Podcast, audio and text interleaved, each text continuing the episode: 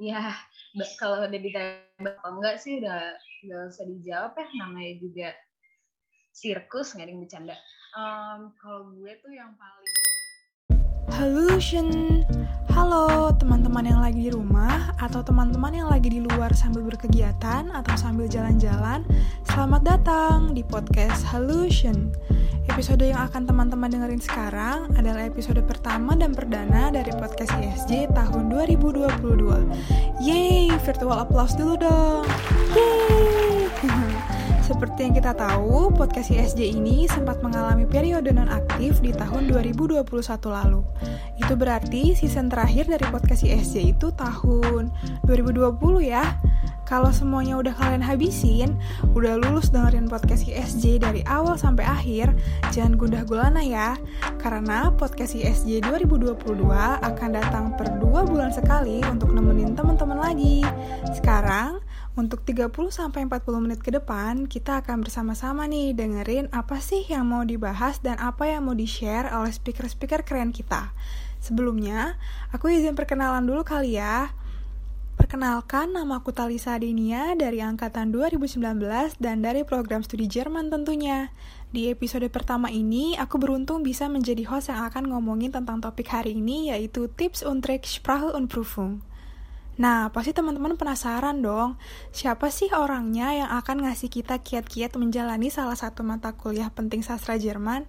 Langsung aja yuk kenalan sama speaker-speaker keren kita, Kak Diandra dan Kak Salwa. Halo! Halo, halo.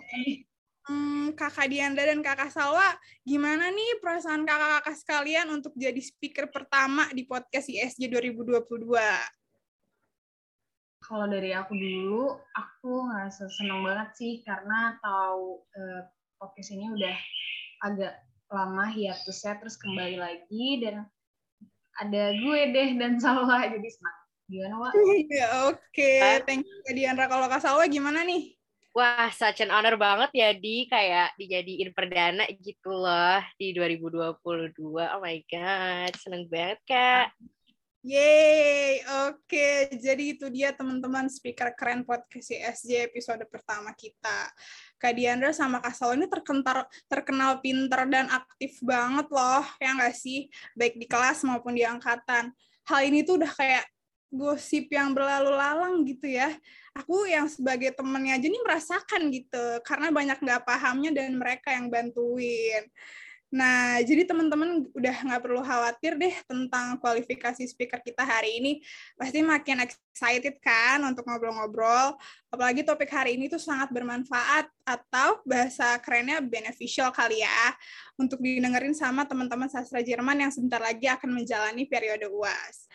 Um, tapi jujur ya, aku sendiri sih ngeliatnya lucu gitu. Bulan Mei ini cuti bersama seminggu dalam rangka lebaran, sama banyak tanggal merah, tapi otak kita tuh harus udah masuk mindset sebentar lagi uas gitu. Kalau Kak Diandra sama Kak Salo gimana nih minggu-minggu terakhir ini? Kalau aku minggu-minggu terakhir ini aku malah keteteran banget karena aku kebetulan ada kegiatan dari luar jadinya agak susah sih keep on track tapi ini aku sudah kembali hmm. lagi dan ya udah aku nanya ke teman-teman dan catch up apa yang masih aku bisa catch up gitu Oke, kalau Salwa, Kak Salwa gimana nih? Uh, kalau aku sih untuk minggu-minggu terakhir ini ya paling kuliah aja sih ya. Tugas kan banyak banget ya Tal. Jadi paling ya berusaha lah buat ngerjain-ngerjain tugas. Paham banget, paham banget. Oke. Okay. Tapi sebelum kita fokus ke topik UAS yang tinggal sebentar lagi, uh, aku mau kepo dong uh, dari kesibukan hektiknya semester 6 ini kalian uh, masih kayak gencar-gencar yang mencari kegiatan di luar kuliah kayak lagi happeningnya banget nih buat pada magang-magang. Kalau kalian gimana? Kalau aku, um, aku masih nyari-nyari sih magang. Aku kebetulan baru aja selesai internship, tapi aku mau magang lagi. Tapi aku lebih fokusnya kayak buat semester 7 uh, hmm. magang untuk semester berikutnya gitu. Kalau untuk sekarang sih kayaknya aku mau fokus UAS dulu ya gitu.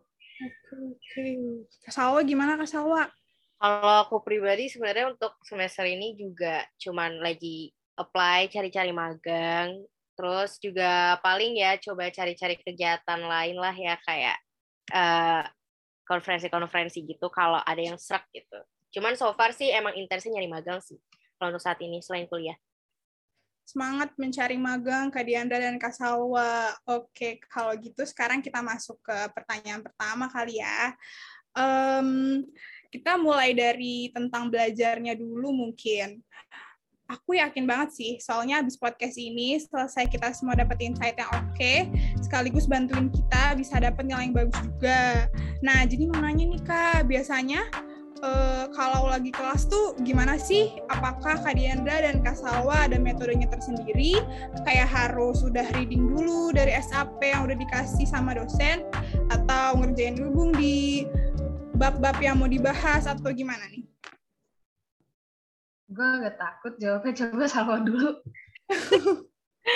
um, kalau gue sebenarnya pas dulu awal-awal kan kita masih SAP ya dikasih sama dosen sampai semester semester lima kali ya. Nah kalau yang pas masih ada SAP tuh uh, gue masih ini sih yang ngerjain gitu. Soalnya gue mikir kayak biar bisa lebih aktif aja di kelas sama involve gitu dan lebih paham gitu loh sama apa yang mau dibahas di kelas gitu. Cuman kalau untuk saat ini karena nggak ada SAP jadi ya sebenarnya gue ngalir aja sih ikut besok ada apa ya ya udah gue pelajarin saat itu aja gitu. Cuman diusahain uh, merhatiin gitu jadi tetap bisa ngejawab jawab pertanyaan dosen juga pasti kelas. Oke, thank you Kak Salwa. Sekarang Kak Diandra nih. Gimana? Salwa diplomatis nih, gue suka. Uh, kalau gue sebelum-sebelumnya juga, iya pas kita masih ada SAP, apalagi untuk mata kuliah Sykraha tuh gue masih ya ngerjain lah SAP di malam sebelumnya. Tapi kalau nggak niat ya ya udah biarkan saja. Tapi kalau sekarang bener-bener apa ya ya udah yang penting uh, tahu di kelas tuh mempelajari apa kalau ada hal-hal yang ngerasa gue harus catat dan uh, gue bakal lupa di kemudian hari ya gue catat tapi kalau enggak sih ya udah cukup mendengarkan aja dan bermodal Bismillah gue paham gitu. Waduh, oke okay. bermodal Bismillah yang penting yakin ya, yang penting nggak bolos deh. Hmm. oke okay deh, kalau tadi kan tentang prepare sebelum kelas ya. Nah, sekarang masuk nih kalau kalian udah di kelas, menurut kalian itu sejauh mana sih aktif di kelas berpengaruh sama pemahaman kalian? Hmm, hmm Jadra dulu, apa gue nih? Salah dulu, salah dulu. Oke, okay, um, kalau menurut gue, uh, sejauh ini kan gue usahain buat apa ya aktif uh, buat jawab-jawabin dosen dan itu tuh menurut gue sangat berpengaruh sih. Soalnya setiap kita jawab kan pasti kita ada yang salah ya. Jadinya tuh cep langsung dikoreksi sama dosen gitu. Yang mungkin sebenarnya gue mikir oke okay, jawaban gue bener deh gitu. Dan ternyata salah dan dikoreksi saat itu juga. Jadi menurut gue itu sangat berpengaruh banget sih buat nanti lo belajar ke depannya gitu. Uh, untuk grammar-grammar yang bener kayak gimana terus vocabnya ini uh, artinya apa gitu. Kayak gitu sih Setuju. Oke, okay, sekarang Kak Diandra gimana Kak Diandra? Kalau tadi pertanyaannya berpengaruh sama pemahaman kalian, kembali lagi kan orang cara memahaminya beda-beda ya. Ada yang harus aktif, ada yang harus banyak nyerocos baru paham, ada yang observe secara diam-diam gitu. Tapi kalau misalnya gue sih, uh, kadang gue observe, kadang gue ngomong. Yang penting tuh kalau uh, kalau di kelas-kelas uh, prodi Jerman tuh kita harus make sure kalau dosen tuh tahu kita merhatiin gitu ya mungkin nggak harus nggak harus setiap saat dosen yang nanya lo yang jawab at least kayak kalau misalnya dia nanya sesuatu lo jawablah sekali dua kali gitu. Yang penting uh, dosennya tuh tahu gitu kalau lo tuh present di kelas itu. Dan uh, ya udah sih uh, kalau gue um, ya apa ya lebih ke dengan secara tidak langsung benar kata soal tadi kalau misalnya kita uh, jawab terus salah dosen itu malah senang gitu loh bukan bukan senang gimana ya maksudnya kayak oh seneng nih nih anak berarti akan nge-improve nih anak akan salah gue benerin kan harapannya kita juga akan belajar dari kesalahan itu gitu hmm gitu yang penting dosen tahu kalau mahasiswanya itu dengerin lah ya. Oke, kalau tadi di kelas, nah sekarang pas lagi kelas, kalian masalah catat mencatat gimana nih? Uh, menurut kalian perlu banget nggak sih mencatat itu dan biasanya merasa paling cocok belajar kalau ada catatan yang rapih dan warna-warni atau lihat penjelasan textbook aja udah cukup? Hmm. Hmm, gue dulu ya. Boleh, uh, boleh. Kalau gue, gue akan nyatet sendiri sih kalau misalnya ada hal yang dirasa perlu nyatet kayak tadi gue bilang uh, cuma catatan gue tuh nggak rapi gue nyatetnya biasanya di Notion sih udah jarang nyatet secara langsung dan uh, ya udah nanti gue rapihinnya tuh pas mau uas atau pas lagi mau ujian gitu loh jadi gue rapihinnya sekalian gue nge-refresh gitu tapi kalau misalnya ada teman yang berbaik hati mau mengirimkan catatan yang lebih rapi dan lebih komplit sih gue dengan senang hati menerima. Waduh, oke okay, oke. Okay. Kalau Kak Salwa gimana nih? Kalau gue uh, kebalikan dari Diandra, gue kalau untuk Spraha tuh kayak harus megang bukunya gitu untuk fisiknya, jadi supaya gue bisa nyatet-nyatet di bukunya, nyoret-nyoret. Tapi sama juga kayak Diandra, catatan gue tuh nggak rapi gitu loh. Paling kayak kalau lagi ada teks terus kata yang gue nggak ngerti terus gue kayak arti ini apa? gitu. Jadi yang di catatan yang gue catat benar-benar cuman gue doang yang paham gitu loh. Karena kayak benar-benar seberantakan itu. Cuman ya sama lagi kayak Diandra kalau ada teman yang punya catatan lengkap tuh biasanya sangat beneficial ya buat saya ke depannya apalagi pas mau uas gitu Oke, siap-siap. Catatan teman memang juara ya. Betul sekali.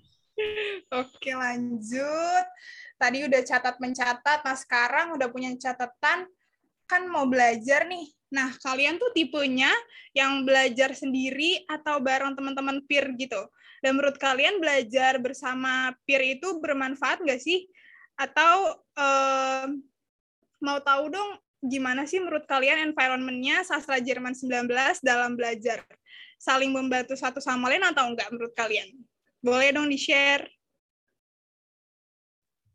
gue dulu ya Wak ke perihal ini um, kalau menurut gue belajar dalam peer itu uh, kalau gue sih membantu ya untuk gue pribadi kembali lagi orang kan beda-beda. Cuma uh, terutama dalam mata kuliah Sprache sih ya technically Sprache sama yang berbau-bau bahasa Jerman lah itu gue yang belajar uh, bareng-bareng. Kalau misalnya kayak sastra atau kebudayaan gitu sih cukup belajar sendiri-sendiri aja. Tapi kalau misalnya ini karena kan kita mostly kan yang ditekankan kan gramatik ya jadi kita harus uh, saling latih gitu loh kayak eh lo bener nih lo benernya di bagian ini gitu. Ke gue kurangnya di bagian ini terus kayak kita bisa saling exchange gitu loh kita bisa tahu oh kita tuh kurangnya ternyata di sini ya karena ada pembandingnya gitu loh. Not to membanding-bandingkan cuma jadi kita bisa mengukur gitu loh kemampuan gitu sebenarnya di mana. Dan kalau misalnya perihal environment sastir 19 menurut gue suportif banget sih. Kayak sebenarnya gue dan Sawa dan Talisa nih sebenarnya dari dari punya punya teman-temannya masing-masing lah. Tapi kayak kalau misalnya when it comes to ulangan tuh kayak ya udah ada yang membuka zoom meeting buat belajar katakanlah uh, linguistik gitu. Ya udah semuanya ikut aja semuanya ikut belajar ikut mendengarkan ikut berdiskusi. Jadi kayak kayak apa sih gunanya untuk membeda-bedakan? Lo kan kelompok ini gue kelompok ini. Kayak ya udah kayak kita ngerjain ulangan kan barengan juga. Maksudnya kayak bukannya kerja sama cuma kayak ya udah kita kan juga materinya sama gitu loh. Gimana Wak? Iya gue setuju banget sih. Sebenarnya di Sasjer ini yang paling gue suka justru tuh environmentnya ya bener-bener kayak support banget gitu orang-orangnya. Kalau untuk ulangan nih kita kan bertiga sering ya zooman sama yang lain gitu, terutama buat Sprache itu tuh bener-bener kayak sering zoom, kayak paling hamin dua hamin tiga lah kita sering bahas bareng-bareng materi dari Dropbox juga kan materinya cutting gitu. Nah, uh, tapi kalau gue pribadi, uh, gue sebelum belajar bareng sama temen tuh gue harus yang tipe yang udah belajar dulu gitu loh. Jadi gue benar-benar kayak udah belajar dulu uh, sendiri. Jadi gue bisa lebih diskusinya tuh lebih banyak gitu sama teman-teman pas lagi di Zoom gitu. Dan kayak nggak kosong lah otak gue gitu. Dan gue ngerti sama apa yang dibahas nanti di Zoomnya kayak gitu sih. Hmm, berarti bahu membahu ya teman-teman 19 ini. Keren, keren, keren. Oke, nah sekarang waktu untuk pertanyaan yang kayaknya jadi favorit anak-anak sastra Jerman deh. Hampir kalau dibahas tentang ini tuh ada aja sambatannya gitu. Jadi menurut kalian dari keempat bagian ujian Sprache yaitu Lese verstehen, verstehen, schreiben, sama gramatik, mana yang paling uh, bermasalah atau bukan bermasalah sih, ya, tapi lebih challenging gitu buat dihadapi dan boleh dong alasannya kenapa challenging buat kalian. Boleh dari Kak Sawa dulu deh. Oke, okay. kalau gue untuk masalah challenging ini masih top markotop menurut gue dari semester 1 gue maba yaitu hafal ya, listening. Menurut gue listening tuh paling susah lah gitu. Karena kayak uh, apa ya? Kalau lo nggak tahu banyak vocab, lo juga nggak paham tuh orang ngomongin apa gitu loh. Bahkan yang lo tahu vocabnya aja kadang lo nggak tahu ternyata dia nyebutin kata itu gitu. Itu yang bikin gue susah. Tapi kalau untuk yang lain sebenarnya sama susahnya, cuman kalau uh, Elva untuk listen first Stein kan apa ya kita tuh bisa pakai Sprachgefühl ya kayak pasti ada yang kita paham terus kita ngira-ngira aja oh konteksnya ngomongin ini gitu terus kalau untuk writing kita bisa kreatif sebebas kita aja sih imajinasi kita gitu kan dan yang untuk gramatik karena udah ada patokannya misalkan gramatik ini tuh bentuknya kayak gini jadi uh, itu tuh udah pantek banget gitu. Dan menurut gue lebih bisa mudah dipahamin daripada hafal gitu. Karena hafal kan uh, lo benar-benar harus fleksibel gitu loh. Dia ngomongin apa terus kayak langsung jawab kayak gitu sih. Setuju setuju setuju. Apalagi kalau misalkan normal gitu ya jadi cepet yeah. kayak aduh apa nih? Nggak denger gitu. Kayak okay. anu ngomongin apa gitu kan. Oke. Sekarang selanjutnya boleh kak Diandra? Oke. Okay. gue sama sebenarnya sama kayak Salwa cuma gue lebih mau berkeluh kesah aja. Still nomor satu tuh tetap paling susah menurut gue hafal. Karena kayak benar dari semester satu emang dia tuh tricky apalagi kalau misalnya kadang kan dia aksennya beda kan maksudnya tidak seperti apa yang kita pelajari di kelas gitu. Dia kayak suka kumur-kumur artikulasi yang kagak jelas. Cuma kalau misalnya di mungkin untuk teman-teman di Spraha satu uh, masih menemukan model uh, pertanyaan yang eh, nggak uh, terlalu ribet gitu. Kayak misalnya ditanya uh, apa terus nanti pilihan ganda gitu. Kayak gitu menurut gue itu masih oke okay, gitu. Tapi kalau udah masuk semester-semester tua, spraha-spraha atas tuh kayak, ya Allah pertanyaannya richtig oder falsch. Kalau nggak kita suruh misi sendiri, dia jawab apaan, kan kayak kita kita untuk kita aja membutuhkan waktu untuk memahami dia ngomong apa, belum untuk kita menulis jawabannya per huruf. Kayak menurut gue itu hektik banget sih kayak menurut gue hafal nggak pernah nggak chaos begitu. Betul betul. Ya kan terus kayak kalau Schreiben kalau Schreiben menurut gue uh, might be stressful karena kita harus mencakup beberapa poin yang ada di soalnya dalam waktu tertentu. Apalagi kita juga uh, harus uh, memperluas vocab kita kayak kita nggak bisa pakai uh, ich bin ich gitu-gitu doang kan. Kita harus mencari variasi-variasi uh, kalimat. Terus kalau lesson first verstehen gue tuh nggak tahu kenapa ya. Gue kadang tuh kalau pas ujian gue suka ngestak gitu loh. Kayak gue susah banget mem, apa ya comprehend ini tuh maksud uh, maksud uh, bacaannya tuh apa gitu. Tapi bener kata Sawa kita kadang masih bisa pakai Sprachgefühl atau kita uh, baca pertanyaannya terus kita nyari stichwortnya kita nyari kata kuncinya terus kita cari di bacaannya. That still helps gitu. Dan gramatik juga sih kita sering banget mempelajari gramatik. Apalagi kalau misalnya uh, di uh, angkatan 19 kita sering banget latihan uh, gramatik. Jadi udah ke, kepatok aja gitu bener kata Sawa di otak kita. Jadi tinggal kita tinggal nemuin patternnya terus kita formulasikan sendiri. Itu menurut gue paling tolerable sih kalau gramatik ya pada akhirnya kita semua hanya bisa Bismillah dan berharap nilainya di atas KKM ya. Gitu memang. Oke, sekarang lanjut ke pertanyaan berikutnya.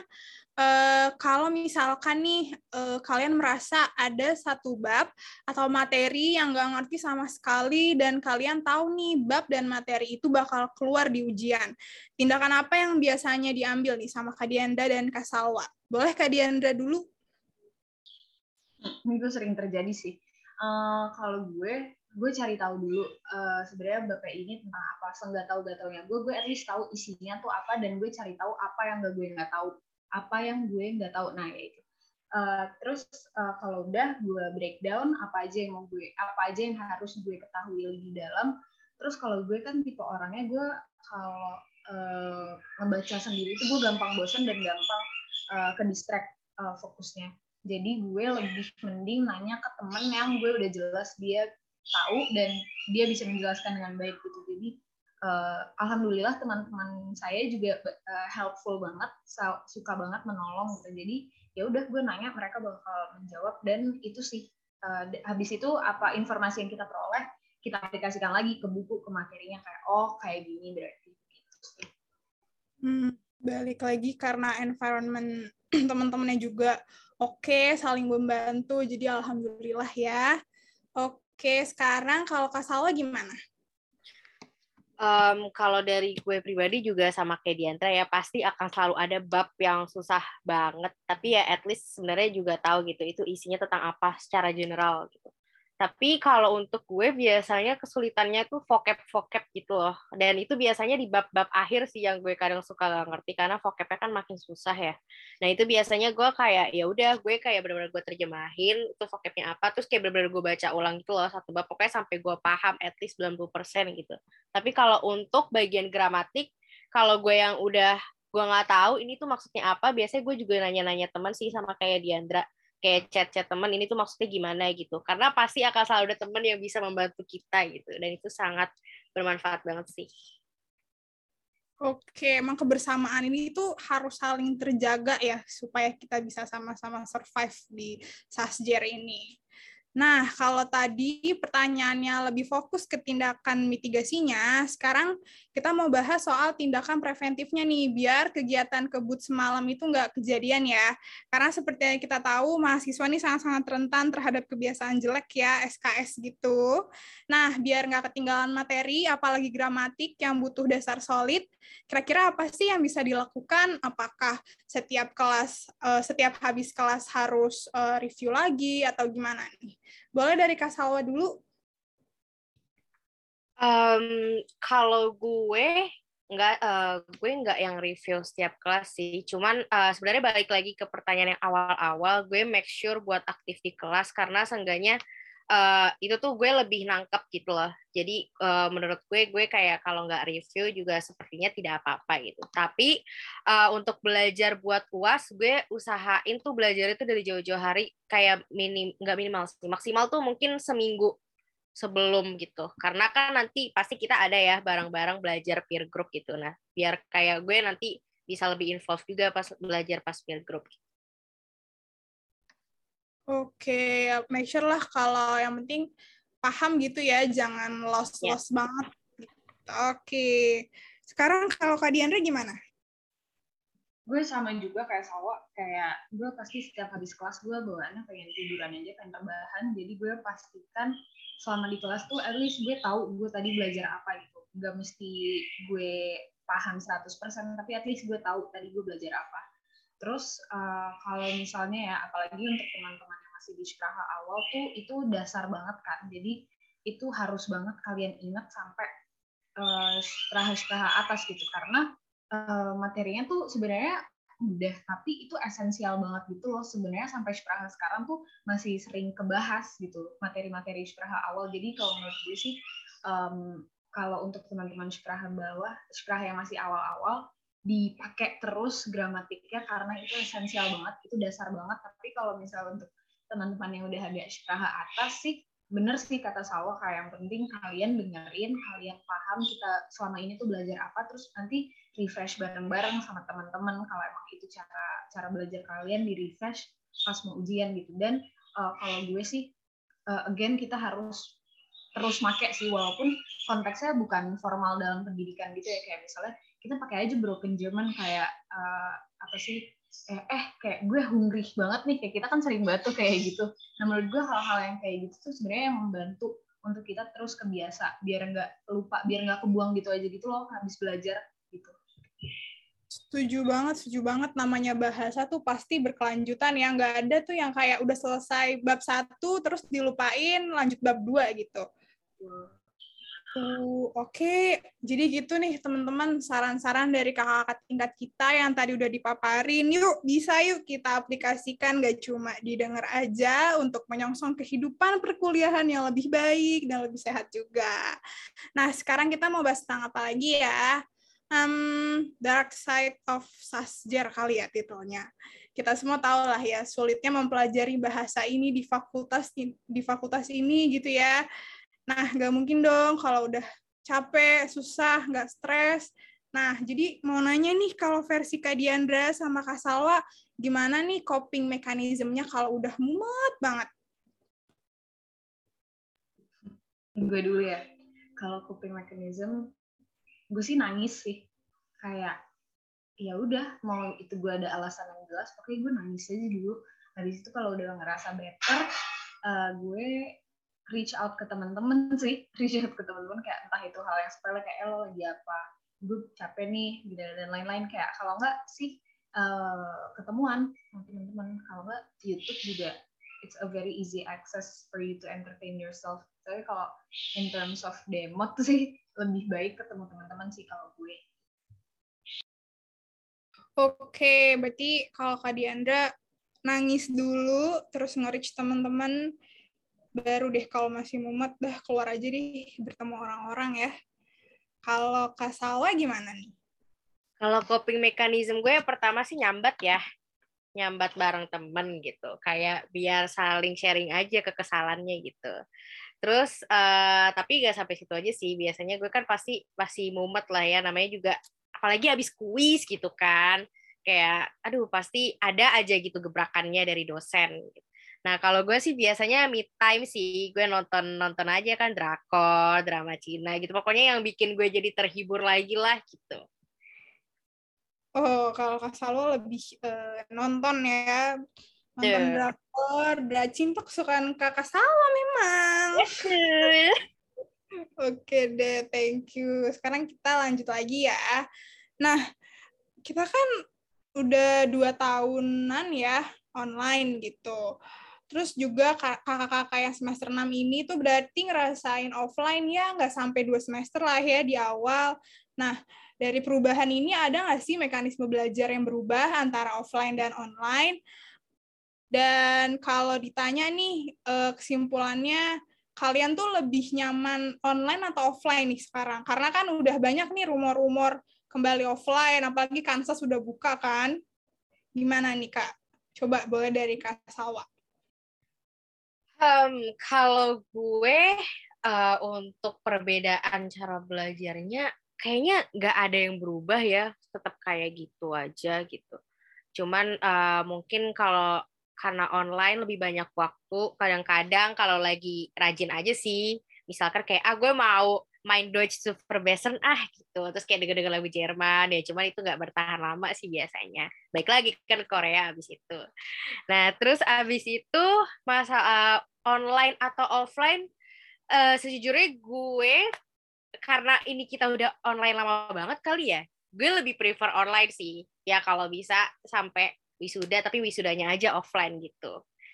Paling kalau gue kayak gitu sih. Soalnya kayak kalau online tuh gue ngerasa kayak lo bisa ngerjain banyak hal gitu loh uh, dalam satu waktu gitu. Kalau misalkan offline kan kayak nggak bisa ya kalau tuh kayak gitu. Oh jadi kak Sawa ini nggak apa-apa kak. Dari niat awalnya udah bagus ya dengerin lagu Jerman walaupun nggak bertahan lama nggak apa-apa kak. Appreciate ya. Dan kalau kak Diandra gimana nih? Hmm, kalau gue, gue setuju sih sama Salwa kayak kalau misalnya online ini kita banyak bisa ngerjain banyak hal dalam satu waktu gitu. Contoh hidup nyatanya tuh Salwa Husnalivia tuh kayak ya Allah dia dalam satu waktu dia ngerjain dalam kegiatan gue gak ngerti.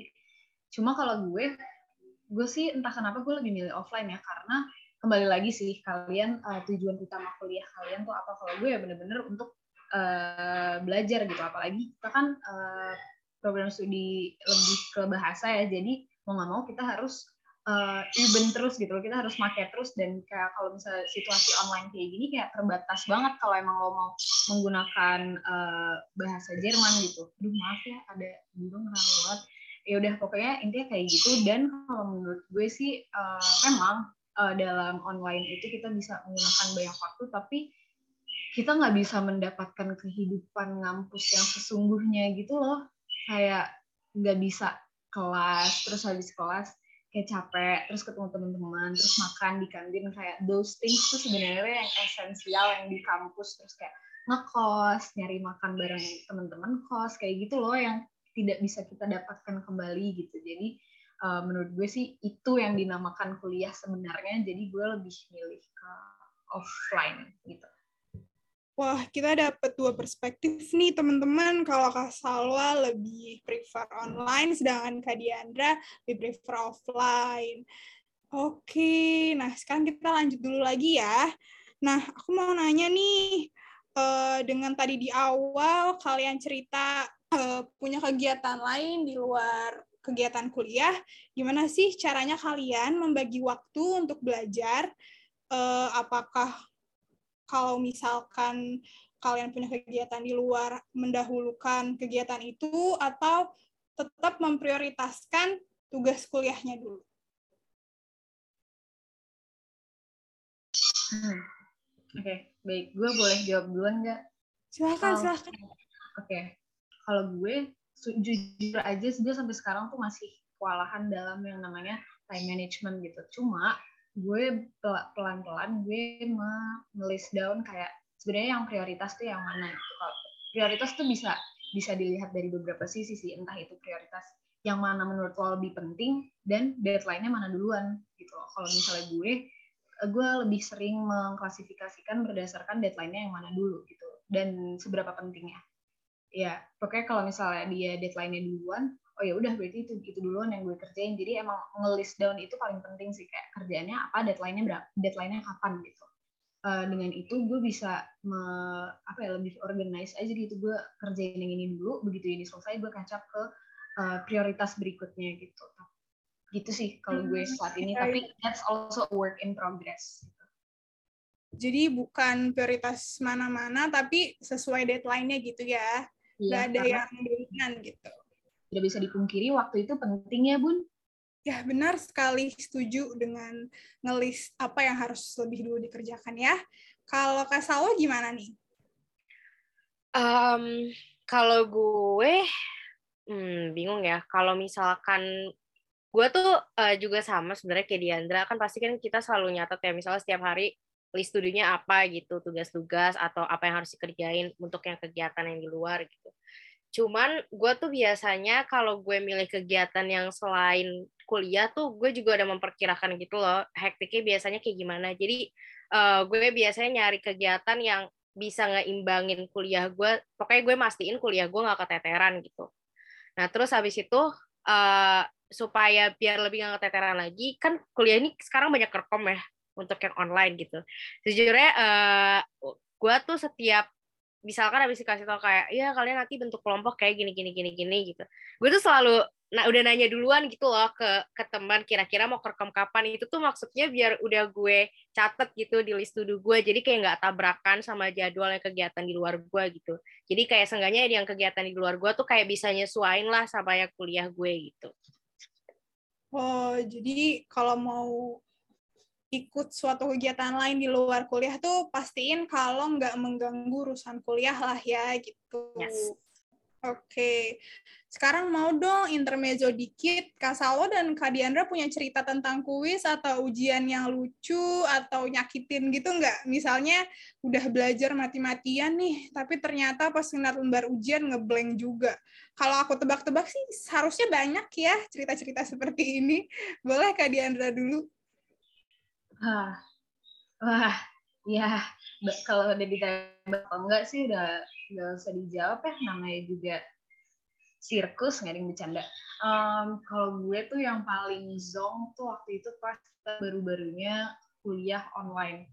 Di situ uh, kayak kita udah nyantai nih. Uh, waktu itu kan juga schedule-nya masih agak berantakan gitu kan untuk uh, Zoom meeting dan lain-lain itu masih kayak agak keteteran gitu terus pada suatu pagi yang cerah tiba-tiba sore Regina nge-chat di grup uh, hari ini kita kuis ya.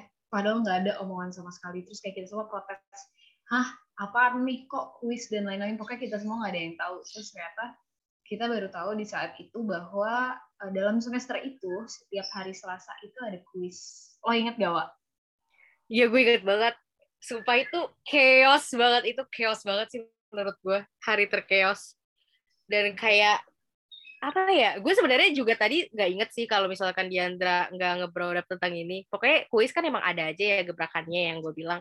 Cuma kayak pas hari itu tuh pokoknya tuh biasanya kita selalu diingetin kan sama dosen-dosen minggu depan kita kuis ya minggu depan kita kuis ya. Tapi tuh pas minggu uh, tertentu tuh kayak nggak ada omongan apa-apa gitu. Makanya kita pikir oh nggak ada apa-apa kali ya. Gue inget banget Hamin satu malam-malam anak sasjer uh, kata 19 malah ngirim-ngirim meme di grup angkatan kayak kagak ada apa-apa besok gitu loh. Kalau nggak salah Fabian sempet kayak eh besok kuis gak sih? Tapi malah kayak ah enggak ah enggak kuis gitu. Lu jangan ngarang deh ternyata beneran kuis gitu makanya guys moral lesson selalu dengerin orang ngomong apa kayak gitu sih. Kalau yang offline lu ada nggak Wak? apa ya yang offline ya? Gue gue nggak inget sih. Kadang-kadang kayak gue udah langsung lupain aja. Kalau lu ada nggak di? Siapa tau gue keinget. Duh.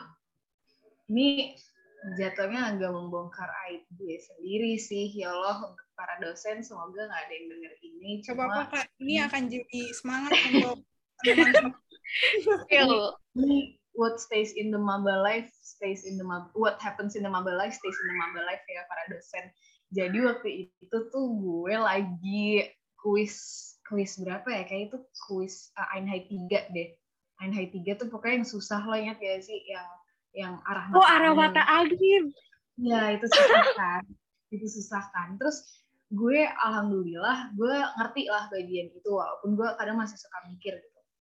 Terus uh, ada nih samping gue nih dia tuh kesusahan gitu. Gue ngeliat dia kesusahan.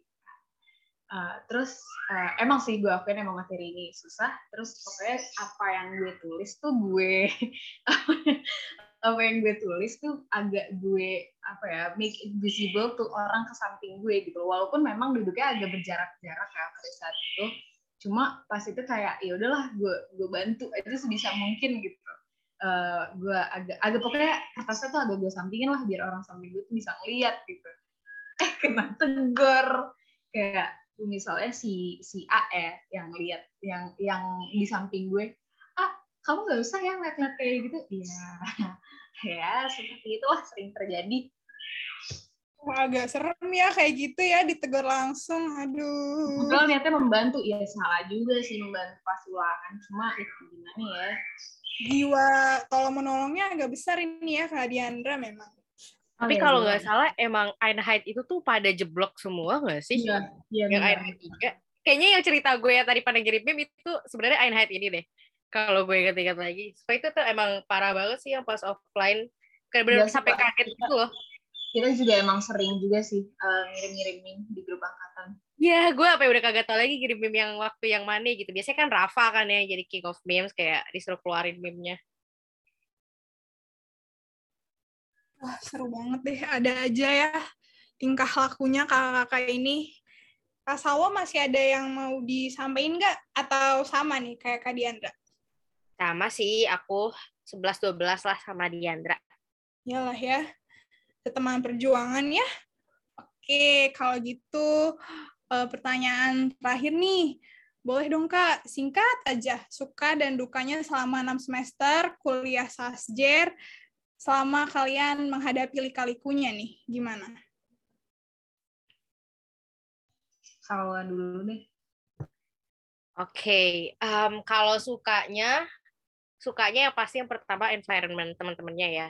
Uh, environment itu sangat-sangat mendukung, yang mana membantu dukanya yang selalu ada ada aja gitu uh, rintangan-rintangan gitu kan ya kayak kuis, kuisnya sulit atau ada apa pun lah gitu.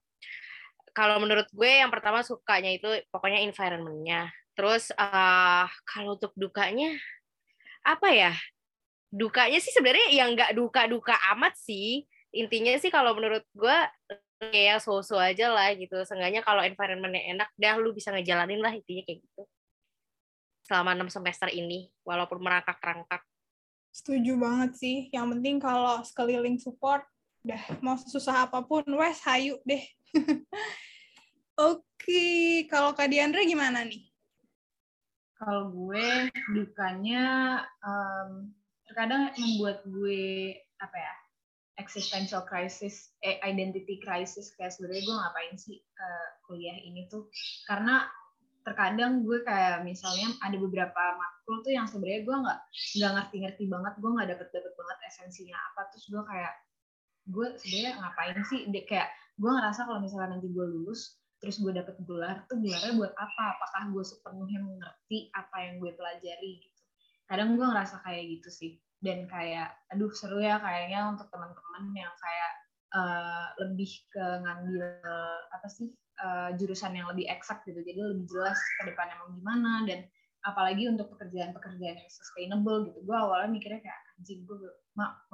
Gue kira-kira bakal kayak gimana ya uh, untuk uh, lulus dari ini tuh gue bakal lanjut jadi apa gitu. Tapi sukanya adalah masih sama kayak Salwa tadi dan apa yang kita omongin tadi.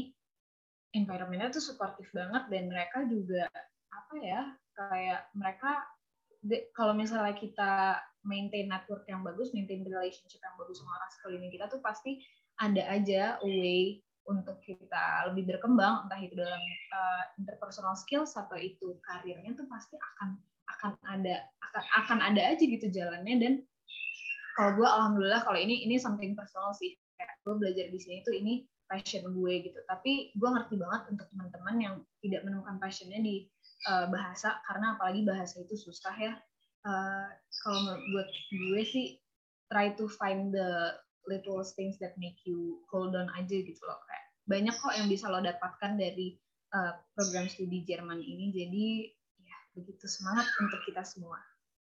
Mm-hmm, benar banget sih. Banyak pasti yang rasa gue kuliah bahasa ntar jadi apa ya? Ntar mentok-mentok translator atau apa gue nggak mau jadi dosen gitu. Tapi harus tetap dijalani semangat urusan gimana nanti misalkan mau usaha pasti bisa deh. Gitu. Nah sekarang sebelum menutup podcast hari ini mau dong kak pesan buat teman-teman pendengar Hellotion yang akan menjalani periode uas sebentar lagi? Hmm, coba mungkin dari gue ya. Kalau dari gue, sebenarnya best of luck buat kita. Pokoknya uh, kalian uh, belajar semaksimal mungkin tapi ya setelah ulangan ya udah gitu. Mau hasilnya kayak gimana mau pas ulangan sekeos apa karena kalian pasti kan udah belajar semaksimal mungkin ya gitu insya Allah dapat yang paling terbaik lah gitu terus juga jangan lupa buat belajar bareng temen juga karena itu sangat sangat membantu banget kalau belajar sama peer group karena bisa sharing paling itu aja sih kalau dari gue Oke, makasih Kak Salwa. Kalau Kak Diandra gimana nih pesannya? Kalau buat kelas ya, karena ini cukup besar gitu uh, nilai yang diambil pesanan nilai yang diambil dari ini cukup besar. Jadi kalau menurut gue uh, apa yang kalian pelajari itu pertama kalian pahamin dulu, bener-bener paham apa yang lo pelajarin, baru kalau misalnya kalian ngerasa perlu dihafal, ya dihafalin gitu. Tapi yang penting kalian bener-bener harus paham dulu kenapa ini bisa kayak gini dan kenapa ini terjadi baru kalian ngafalin betul kata Salwa juga belajar sama teman-teman if that makes it exciting gitu latihan-latihan soal karena kita juga banyak kan eh, soal-soal tahun lalu gitu Wah, keren banget ya pesan-pesan dari Kak Diandra dan Kak Salwa. Dengan demikian, berakhir sudah episode pertama Podcast Solution. Vilendang buat speaker hari ini yang udah mau berbagi cerita beserta tips and triknya dalam menghadapi ujian di sastra Jerman. Semangat menjalani sisa-sisa semester di sastra Jerman ya kak, dan tentunya semangat TA. Semoga bermanfaat untuk teman-teman semua, dan nantikan episode berikutnya ya.